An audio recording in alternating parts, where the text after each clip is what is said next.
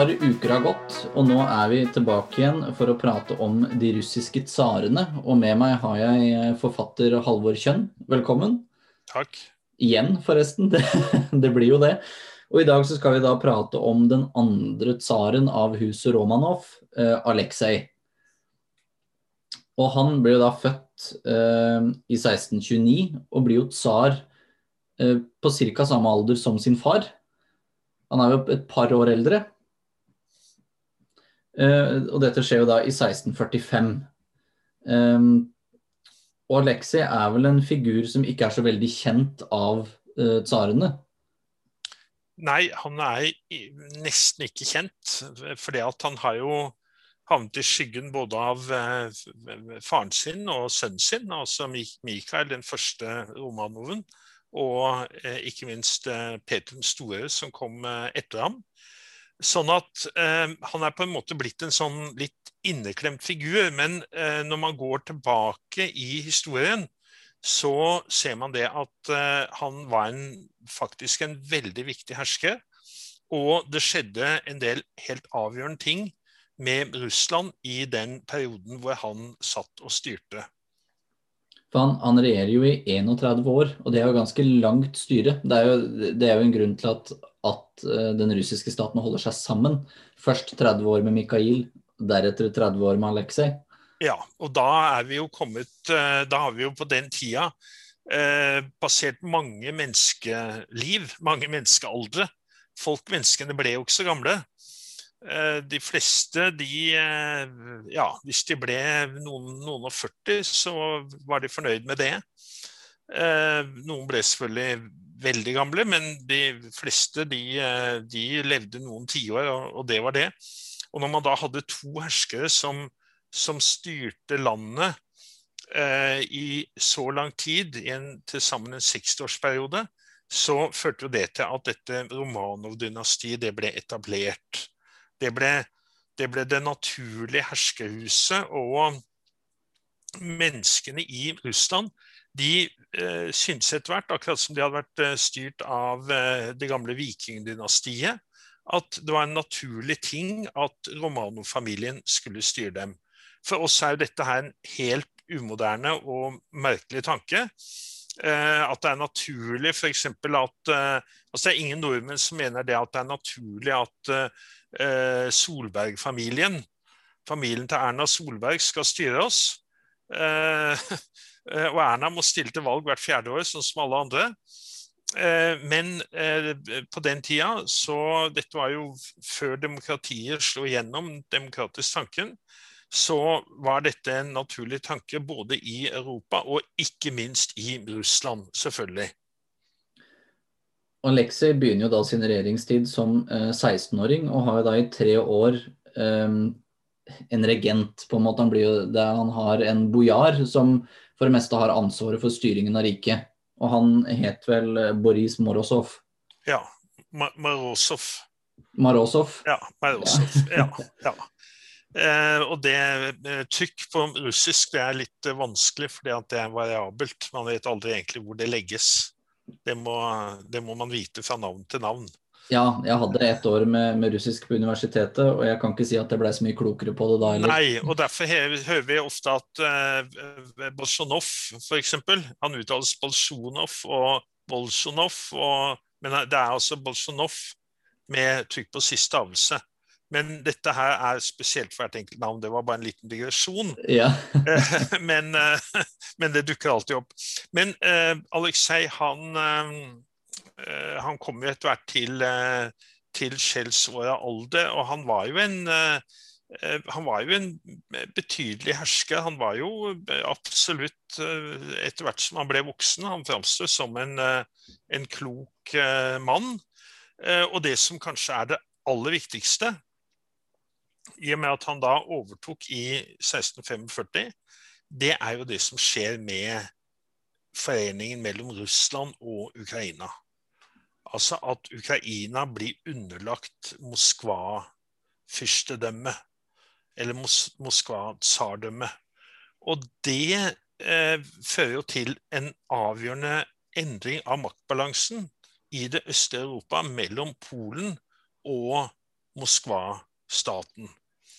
Og det er en historisk endring, fordi at før 1650-tallet så var Polen normalt Polen-Litauen, da, det var jo en sånn eh, dobbeltstat. Polen-Litauen var normalt den sterkeste staten, eh, og det var en katolsk stat. Eh, og så eh, skifte Ukrainas side på 1650-1660-tallet eh, gjennom en langvarig krig. Eh, og på den måten så blir styrkeforholdet i det østlige Europa endret. Sånn at det ortodokse Russland blir den dominerende staten, og Polen går etter hvert i oppløsning. Det er noe som tar lang tid. Det skjer først på 1700-tallet. Men den utviklingen starter på, under Aleksej midt på 1650-tallet. Det er jo, det, dette er jo mot, uh, mot slutten av Aleksejs regjeringstid, er det ikke det? Uh, Nei, altså uh, mellom altså unionsavtalen mellom Ukraina og Russland, den kom jo i 1654. Så det er jo, det er jo altså i hans niende, år som tsar, så kommer det. Og, men så kommer det en langvarig krig mot Polen 13-årskrigen eh, mot Polen. Så, så, dette er jo ikke noe som er gjort i en håndvending. Og, men, men dette, dette, her med eh, hvor Ukraina, hvem som skal herske over Ukraina, det var på 1600-tallet av ordentlig stor viktighet, for det avgjør maktbalansen i det østlige Europa. Og det avgjør maktbalansen i det østlige Europa på 1700-tallet, på 1800-tallet, 1900-tallet og på 2000-tallet. og vi ser jo det i dag. Hvordan eh, denne eh, konflikten om Ukraina, hvor Ukraina skal høre hjemme, hvor viktig den er i eh, både russisk og europeisk politikk. Det er jo ikke bare, bare Ukraina eh, og spørsmålet rundt det som får eh, følger langt inn i de neste århundrene. For Aleksej får vel i stand den første grunnloven i hermetegn for den russiske stat. Ja, landsforsamlingens lov. Ja, landsforsamlingens lov, og det, det, fungerer da som den første grunnlov. Og det som er viktig med den, det er jo eh, det er jo sementeringen av livegenskapet. Og det, eh, etter 1649, hvor denne landforsamlingens lov eh, kommer, så, eh, så, er livegenskapet det er sementert, og det blir egentlig bare mer og mer omfattende. Eh, de livegene blir mer og mer ansett som eiendom under adelen. Og eh, dette setter i stadig større grad sitt preg på hele det russiske samfunnet. Så, så denne landforsamlingens lov av 1649 Eh, som egentlig ble innkalt eh, Altså forsamlingen ble innkalt fordi at eh, det var misnøye i byene, og det var uro i samfunnet pga. en del økonomiske ting. Skattlegging osv. osv. Og, og så kommer denne landforsamlingen sammen og lager en lov som fører til en sementering av samfunnsklassene. Og ikke minst da dette, denne befestelsen av livegenskapet. Eh, for den fører da til at eh, bøndene de får ikke lenger mulighet til å flytte ifra godseierne sine. De kan f.eks. ikke flytte inn til byene, søke tilflukt i byene. Eh, de har ikke lov å flykte ut av landet. De må bli på det godset der de er født. Og etter hvert går de over til å bli godseierens personlige eiendom. Og det er jo en veldig dramatisk utvikling.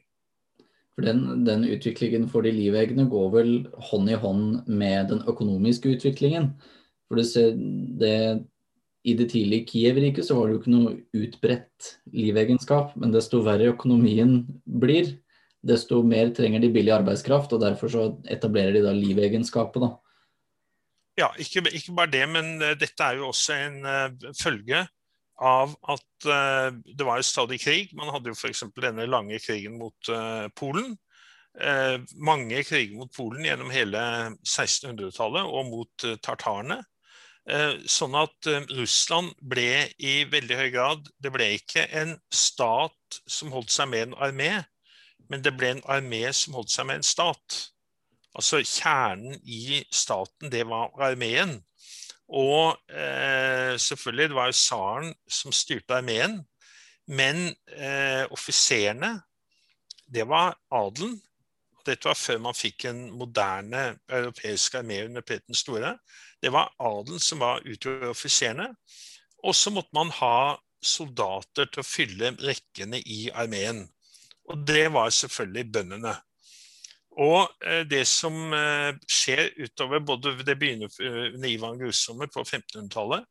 Det er det at bondeguttene de blir jo i stadig, stadig hyppigere så blir de utkalt til å tjenestegjøre i armeen. Og dette blir jo en voldsom påkjenning på bondebefolkningen, som jo så vidt klarer å holde seg i live. Russland er jo et marginalt sted for å drive jordbruk. Eh, og hva gjør da bøndene? Jo, de begynner å stikke av. Enkelt og greit. Det er jo det naturlige. Det ville vi også gjort hvis, eh, altså hvis hver norsk familie eh, hvert femte år måtte avgi en sønn til hæren, og det var veldig lite utsikt til å se denne gutten igjen. Da ville mange antagelig finne ut at det var bedre å dra til Island eller til Australia eller hvor som helst ellers. Eh, og nettopp den, den, mekanismen begynner da å gjøre seg gjeldende. Bøndene begynner å stikke av. Enten så drar de, flykter de til Polen, eh, de flykter ut på steppene mot, uh, mot, Ukraina, eller de flykter inn i skogene hvor ingen kan nå dem. Og for da å forhindre Og, da, og samtidig så mister jo staten skatteborgere. Altså, Bønder som stikker av, de vil jo ikke kunne betale skatt. Eller de vil ikke betale skatt. Nettopp. Eh, skatten er vel noe som fører eh, Morozov ut i, ut i unåde. Ja, eh, for det, altså- blir, det, er et skatteopprør eh, på, mot 1650-tallet, vel? Ja, det er, det er like før denne landforsamlingen blir kalt sammen, så er det en eh, et uh, skatteopprør, og, og, det er virkelig uro i uh, Moskva og i de store byene. Og flere av, av tsarens embetsmenn de, de, blir drept av mobben. og det er som en følge av dette at denne landforsamlingen da kommer sammen og lager denne loven. som skal lave, skape fred mellom samfunnsklassene og fordele skattebyrdene. Men eh, kjernen i det hele, det er det at bøndene de må bli på det godset de er født. De får ikke lov å stikke av. Så det blir på en måte Livegenskapet blir da på en måte samfunnets grunnvoll, selve fundamentet for samfunnet.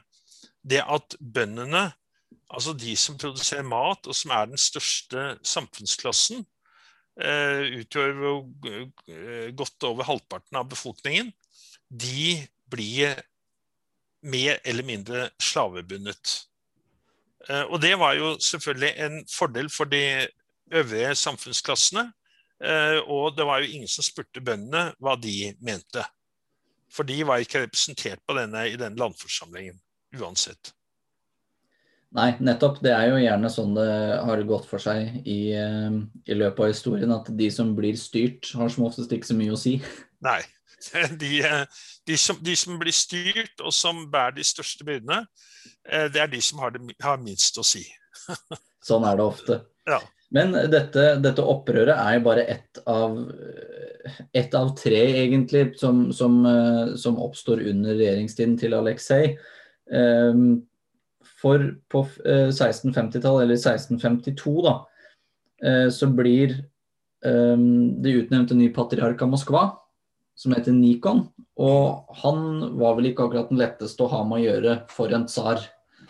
Nei. Eh, I begynnelsen så er jo forholdet mellom denne Nikon og Aleksej det er veldig nært. og Det er jo derfor eh, Nikon blir utnevnt til, eh, til patriark over det russiske over Russland. Sånn at, at han, nok en, han, var nok en, en vinnende personlighet. Eh, og han var en ihuga eh, kristen. En ihuga ortodoks eh, prelat. Han hadde jo i sin tid vært gift, han hadde vært landsbyprest, og så døde alle barna som han hadde sammen med sin kone. Og han, han og hans kone de besluttet seg da for at de skulle gå i kloster. Og gå inn i Hvor da Nikon gikk inn i denne delen av presteskapet som kunne stige i gradene. Da måtte man være altså munkevidd leve i sølibat og ikke ha familie. Eh, og han, eh, han, kommer da i kontakt med eh, tsaren. Eh, og han blir utvalgt til eh, patriark eh, over den russiske kirka. og så viser det seg det at han har da ideer om at han skal avskaffe eh, vranglære som er kommet inn i den russiske ortodokse kirke et, altså etter middelalderen, etter innføringen av kristendommen. Og man skal innføre den, eh, den uforfalskede ortodoksien og få den tilbake i den russiske kirka. Og eh, Noe man da skulle eh, gjøre, for eksempel, det var da at man skulle gjøre korsets tegn på en annen måte. Man skulle uttale og skrive ordet Jesus på en annen måte. Man skulle, eh, Gudstjenesten skulle foregå på en litt annen måte, osv. osv. Altså ting som for oss eh, framstår som helt ubetydelige. Men dette var jo eh, endringer som eh, Nikon mente var helt nødvendig for at eh, kirka skulle kunne gjøre det den var satt til, nemlig å sørge for at sjelene ble frelst. Dette falt jo ikke i god jord hos russerne. Nei. Dette førte til altså det at man endret på eh, viktige sider ved eh, det førte jo til en voldsom motstand. Og det førte til en total splittelse av den russiske kirka. Eh, og eh, da, det, da, er det en viktig eh, del av kirka som ble hett de gammeltroende, som nektet å godta disse eh, reformene til Nikon, og fortsatte som før. Og man kan fortsatt finne de gammeltroende, spesielt i utkanten av det som den gang var det russiske imperiet. F.eks. i grenseområdene mot Moldova, eh, ved Donaus eh, utløp. Der er det noen byer som er helt russisktalende, men som er gammeltroende. Eh, hvor man følger dette seremoniellet som den russiske kirka hadde før reformen til Nikon. Og, eh, eh, og dette fører da til en splittelse av kirka. Og eh, de gammeltroende de blir forfulgt på aller mest brutalt vis. Mange av lederne for de gammeltroende blir forvist. Eh, og de blir torturert, og de blir eh, plaget, og de blir eh, brent. Og i, det hele tatt altså alle de midlene man hadde den gang til å få uniformert et folk. Og så fører det til at, at mennesker i titusentall forlater landsbyene der de er født og der de har bodd. Og så tar de tilhold i ødemarka og hvis soldatene til tsaren da kommer etter dem for å hente dem tilbake, tilbake til samfunnet, så begikk de kollektivt selvmord ved å tenne på, ved å gå inn i kirkebyggene de hadde bygd, de var bygd av tre selvfølgelig, og tenne på bygningene. Så, så, dette er en ekstremt dramatisk hendelse i russisk historie som faktisk eh, ja, kastet skygge over alle århundrene som fulgte, både 1700-, 1800- og 1900-tallet, så kunne man, kunne man, eh, føle den splittelsen mellom de gammeltroende og den offisielle ortodokse kirken. Nikon faller jo ganske eh, raskt i unåde hos tsaren. For Nikon mener vel for det første at han står over tsaren, litt sånn som Filaret gjorde overfor Mikael. Ja. Men der hadde du, hadde du farsaspekt i tillegg, at Filareva var patriark og faren til tsaren. Mm. Eh, det er jo ikke Nikon, men han mener jo likevel at han skal stå over tsaren, da. Ja, det at, eh, og det, jo, det, det, er jo en tenkning man også finner igjen hos uh, paven i den vestlige kirke. Altså, kirka representerer det åndelige, og den verdslige makt representerer det legemlige. Og eh, ethvert kristent menneske vil jo selvfølgelig si at det åndelige er viktigere enn det legemlige. Eh, altså det, det, åndelige regiment, det åndelige del av samfunnet, er viktigere enn en den, den, eh, det verdslige. Eh, sånn at det er naturlig at det er kirka som styrer eh, staten. Eh, at det er patriarken som styrer, eh, styrer tsaren, og ikke omvendt. Eh, og dette er selvfølgelig noe eh, Aleksej overhodet ikke kan eh, godta. Og Nikon han blir etter hvert lyst i bann, han blir forvist til et fjerntliggende sted. Men reformene til Nikon, endringene av seremonielle i den ortodokse kirka, det blir beholdt. Sånn at det er ikke snakk om å ta avstand fra de endringene som Nikon innførte, men, eh, men, man tar avstand fra Nikon fordi at han ble en etter hvert for mektig eh, personlighet. Det er jo i, i den sammenheng, eller på samme tid, at krigen om Ukraina begynner. Og da krigen mot Polen-Litauen, som fortsetter helt fram til 1666-1667 med da freden i Androsova, mm -hmm. hvis jeg får uttalte det riktig. Ja, ja. um, og her kommer vi jo da til det tredje opprøret uh, under, um, under Aleksej, som er opprøret til Stenka Razin. Ja, og det er jo um, For det har vært mange av disse bondeopprørerne i russisk historie. Men uh, Stenka Razin han, er jo, han framstår i en spesiell glans. Og det er jo eh, ikke minst fordi at eh, all, eh, all folkloristikken som ble laget omkring ham, altså denne sangen om Stenkarasin, disse mytene Og mm, alle som har hørt denne sangen om Stenkarasin, de vet jo det at det handler om en persisk prinsesse. For han dro på et plyndringstokt nedover Det kaspiske hav, helt ned til Persia.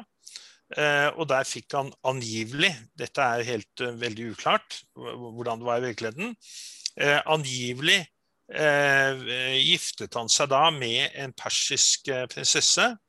Og hadde henne med seg da han dro tilbake oppover langs Volga på et nytt tokt da, for å forsøke å, å ja, rett og slett erobre makten i Moskva-staten. Eh, og så eh, sier jo da myten eh, og sangen det at mennene til Stenkarasin de sier da til ham at du setter denne kvinnen over oss, dine menn og kamerater. De er, denne kvinnen er viktigere enn det vi er. Og for da å vise sin lojalitet til sine menn, så tar han denne persiske prinsessen og kaster ut i bølgene i Volga. Eh, det er, jo, det er jo sangen og myten. Eh, om dette skjedde i virkeligheten eller ikke, er høyst uklart. Men eh, Stenka Rasins navn det blir jo fortsatt husket. Det som, er, det som er viktig når det gjelder Stenka Rasin, det er jo det at, at han, han var jo don kosakk. Og det var selvfølgelig mye misnøye og mye fattigdom i, omkring i landet, også i den delen av eh, Russland som lå i, lå i utkanten av, eh, av landet, av, av selve imperiet. Men det Stenkarasin sa, det var det at, at tsar Aleksej han vet ikke hva som skjer i landet hans. Fordi at det er de onde bojarene, de onde stormennene, som har fått for mye makt. Og vi må fjerne dem og så må vi da inn til tsaren og så må vi fortelle ham om den eh, sanne tilstanden. Og da vil eh, tsar Aleksej eh, opprette, eh, gjen, eller gjenopprette, et eh, sant eh, herskerdømme. Og menneskene vil leve i fred og lykke. Så bare vi får fjernet bojarene, bare vi får fjernet alle stormennene, bare vi får fjernet adelen, så vil alt bli lykkelig. Og dette opprøret det har jo veldig suksess i ganske lang tid. inntil da Aleksej Krigen mot polakkene er slutt, og Aleksej får sendt en armé ned mot Don og får tatt knekken på Stenka Razin. Og får ham til, ført i lenker til Moskva. Og der ender han jo på, som seg hør og bør, ifølge tsaren, på skafottet. Ja. Den 6. juni 1671. Ja. Det som, det som er det, det, interessante, er det at um, Stenko Razin og Aleksej de har en lang samtale uh, før han da uh, bestiger dette skafottet. Eh, sånn at Stenko Razin han, han trodde nok på denne fortellingen sin helt til det siste. At bare han fikk fortalt tsaren eh, om eh, hvor galt eh, hans, eh, hans stormenn styrte landet, så ville alt bli godt igjen. For da ville tsaren, den gode tsaren, vil da eh, gjøre de riktige tingene og fjerne de onde bojarene. Uh, og, men, men, hva egentlig Stenkarasin og Sara Aleksej sa til hverandre i den siste samtalen, det, det vet vi ikke. Men der, der, skulle, der, skal jeg veldig gjerne vært til stede og, og hørt hva de sa til hverandre. Og, og ikke minst hva Aleksej sa til Stenkarasin. For det at Stenkarasin var jo, han var jo egentlig lojal til tsaren. Det var jo hele clouet det bojarene han ville ha Det han skulle ha bort. Og dette, og dette motivet om de, de, eh, de onde bojarene og den gode tsaren, det er noe som går igjen i russisk historie hele tida. Og dette er noe også Putin vet å spille på. Eh, F.eks. Eh, han hadde en sånn videokonferanse. Og da var det en eh, dame i Novosibirsk, var det vel, som fortalte hvor lite hun tjente, eh, og hvordan det egentlig var satt av mye mer penger til hennes lønn. Eh, men de pengene de forsvant i eh, lommene til noen av de lokale herskerne, noen av de lokale politikerne. Og hun fikk utbetalt bare, bare småpenger. Og så sier da Putin ja, dette skal, skal, må, må komme i orden. Og hvis noen eh, gjør noe med deg, så kom til meg, sa, sa Putin. Altså akkurat dette her med den gode tsaren og de, de, onde bojarene. Akkurat samme motivet. Så absolutt, og det, det, er jo gjennomgående i nesten alle opprørene som skjer eh, i, i, Russland, i hvert fall på den tiden her. da, At det er, det er eh, tsaren som er villedet av de onde bojarene som bare er ute etter makt. Ja, og for, for det at På noen annen måte kan man ikke forklare tingene. For det at lojaliteten til tsaren var så veldig, veldig sterk. Men så ser man jo at man, eh, man lever i fattigdom. Eh, man blir utplyndret når det gjelder skatt. Man blir stadig utsatt for eh, soldatutskriving osv. så Eh, og den eneste måten å forklare dette på, det er det at det er bojarene som eh, har forledet den gode tsaren, og ikke fortelle ham om hvordan tilstanden omkring i landet egentlig er. Det, eh, nå er vi jo mot slutten av eh, Aleksejs eh, regjeringstid. Og eh, den siste, siste, som skjer av store ting, eh, i hvert fall av krigshandlinger og sånn, er jo da at det kommer til et opprør på Solovjetskij-øyene. Eh, som han slår ned mot slutten av 1675, eller da på starten av 1676. Men det består vel av gammeltroende, som han da slår ned? Ja, det er de gammeltroende, og det er på, på Solovjetsk ute i Kvitsjøen. På det enorme festningsanlegget, skråstrek klosteranlegget, som ligger der ute. Og eh, alle som har mulighet når koronaen er forbi, de må dra opp dit og, og, se på det. Det er en svær opplevelse. Og det var også der hvor bolsjevikene bygget de første fangeleirene sine, eh, pussig nok, eh, bak murene på det klosteret. Eh, og eh, munkene, de, eh, de, går da til eh, aksjon mot den offisielle kirka, og de setter i gang en mange, år lang, mange års lang motstand mot tsaren og den offisielle kirka. Men det blir til slutt slått ned. Og det er ikke så lenge etter at det opprøret er slått ned at Aleksej dør. Ja. Som da Hvor gammel var det han ble da? Han ble 47 år gammel. Ja, og det var en respektabel eh, alder i den tid. Da var han begynte å bli en eh, gammel mann. Eh, det er ganske pussig å tenke på, men, men da, da, var det naturlig at livet gikk mot slutten. Og han, han var jo en veldig religiøs mann. Og på denne på denne Kristi dåpsdag 6.1 eh, så sto han på isen på Moskva-elva. Eh, og deltok i denne seremonien for å minnes Jesu dåp i Jordanelva. Eh, og pådro seg lungebetennelse. Og det er også, det er også en seremoni som Putin tar del i hvert eneste år. 6.1. Det er en veldig viktig, del, veldig viktig dato i den ortodokse kirka så har det seg jo sånn da at det viktigste i et monarki er jo arvingene. Og der hadde Aleksej vært nokså flittig. For med sin eh, første kone, som han da var gift med i 21 år, eh, så fikk han 13 barn. Og dette var da med Maria Miloslavskaja. Um, og de barna da inkluderte Fjodor, Sofia og uh, Ivan. Som uh, vi skal komme tilbake til i neste episode. Og så gifter han seg da i 1671 med Natalia Narushkina, som han da får sønnen Peter med.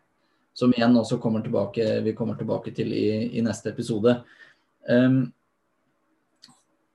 og det er jo ikke Det går jo ikke knirkefritt for seg overgangen fra Aleksej til Fjodor, for Fjodor er vel ganske sykelig? Ja, Fjodor er det vi i dag ville kalle handikappet. Eh, han eh, Sannsynligvis var det ikke noe galt med hodet hans. Men eh, da han, skulle, da han ble kronet til tsar etter Aleksejs død i 1676, så må man jo gå denne korte veien mellom katedralene på, på katedralplassen i Kreml. Og alle som har vært der, de vet ja at uh, dette er ikke noe lang, lang spasertur. Den er ganske kort. Men han klarte ikke å gå eh, mellom eh, disse kirkene. Eh, og måtte bli, måtte bli, båret, faktisk. Eh, og sånn at han, eh, han ble ikke sittende eh, lenge på tronen. og han, i dag er han nesten helt glemt. han innførte én reform. Han fikk innført en eh, Eller han fikk fjernet denne regelen om at eh, eh, hvis din bestefar og din oldefar og din tippoldefar hadde hatt sånn og sånn rang, så fulgte den med deg. Altså da, da, kunne ikke, da, kunne ikke, en som hadde hatt etter, etterkommeren etter en som hadde hatt lavere rang, f.eks. stå foran deg ved prosesjonen i Kreml eller noen sånne ting. Eh, at rangen den fulgte da adelsmennene i generasjon etter generasjon, avhengig av eh, hvor på rangstigen din far og bestefar, og oldefar og tippoldefar hadde stått. Dette systemet fikk han eh, fjernet. Eh, og det var jo en litt, liten oppmykning av eh, dette tilstivnede adel, adelsveldet som eksisterte i Russland på 1600-tallet. Og mer av de følgene som kom etter Fjodor, skal vi da få høre om i neste episode. Er det noe mer som vi bør vite om Aleksej før vi runder av? Nei, altså Aleksej eh, Aleksejs Det han blir husket for, det er jo det du sa, alle de barna, og spesielt da den, den yngste sønnen Eh, nemlig eh, Pjotr Aleksejevitsj, eller Peter Aleksejevitsj, som ble Peter den store. Og det er jo eh, Selv om han da altså presiderte over både foreningen med Ukraina, eller man kan si overtagelsen av Ukraina, kirkesplittelsen, landforsamlingens lov av 1649 osv., osv., så er han først og fremst husket fordi at han var Peter den stores eh, faderlige opphav. Og med det så sier jeg eh, takk igjen for enda en eh, interessant episode, Halvor Kjønn. Og så ses vi i neste episode av Audiens. Vi lyttes.